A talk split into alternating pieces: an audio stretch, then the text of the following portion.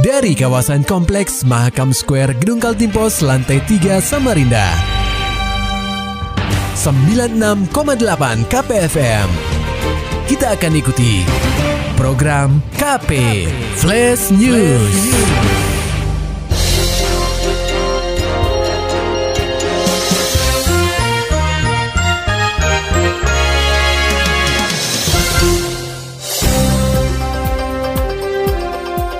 Anda sedang menyimak program KP Flash News bersama saya Agung Pratama.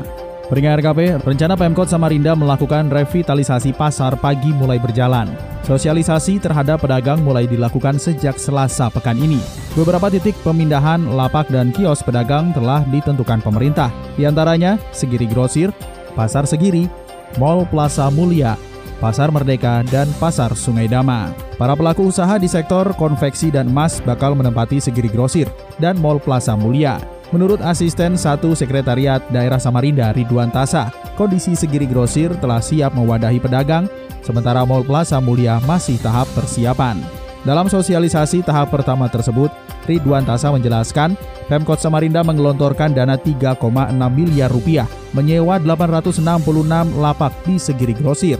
Rinciannya, 526 kios dan 340 ruang terbuka. Harga sewa telah termasuk dengan fasilitas air.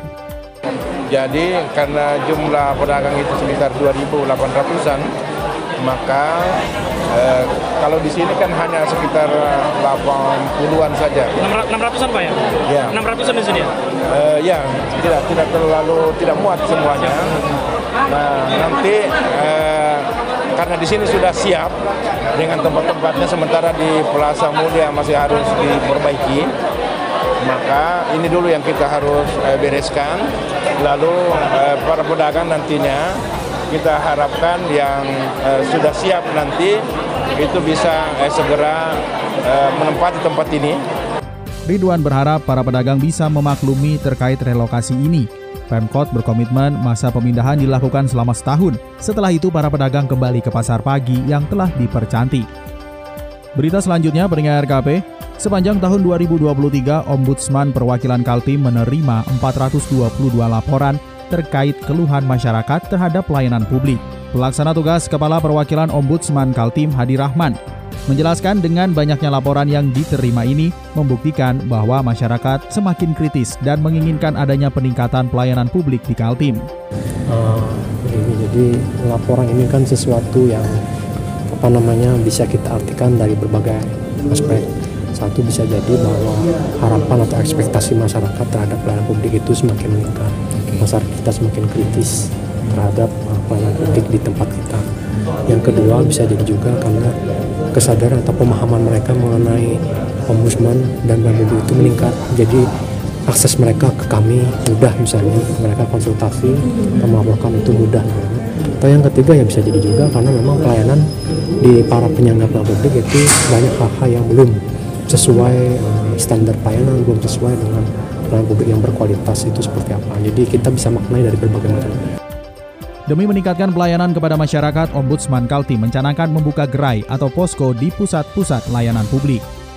Beralih ke berita olahraga pendengar KP, bangun sejumlah fasilitas olahraga demi sukseskan Porprov Pasir 2026. Laporannya akan disampaikan reporter KPFM Samarinda, Maulani Al-Amin. Pendengar KP, setelah dicanangkan sebagai tuan rumah Pekan Olahraga Provinsi atau Porprov ke-8 tahun 2026, beberapa waktu lalu, Kabupaten Pasir mulai merencanakan pembangunan sejumlah venue. Di antaranya adalah gedung pencak silat, aula untuk tenis meja, dan arena untuk menembak. Ketua KONI Pasir Toto Sumardiono menyebutkan pembangunan venue tersebut dengan pendanaan secara bertahap. Secara bertahap nanti kita juga akan di backup PINQ dari Kaltim untuk pembangunan venue-venue olahraga. Dan terkait masalah panitia PB Purwokerto pun sudah di SK kan oleh Bapak Ketua KONI kita Pak Arustiansa untuk di Pasir jadi sudah siap melangkah bersama bersinergi dengan Bupati Pasir dan stakeholder lainnya tentunya. Ketua KONI Pasir Toto Sumardiono berharap hadirnya Porprov nantinya mampu menaikkan ekonomi masyarakat karena banyaknya wisatawan yang datang berkunjung ke Pasir. KPFM Samarinda, Maulani Al-Amin melaporkan. Maulani Alamin, KPFM Samarinda.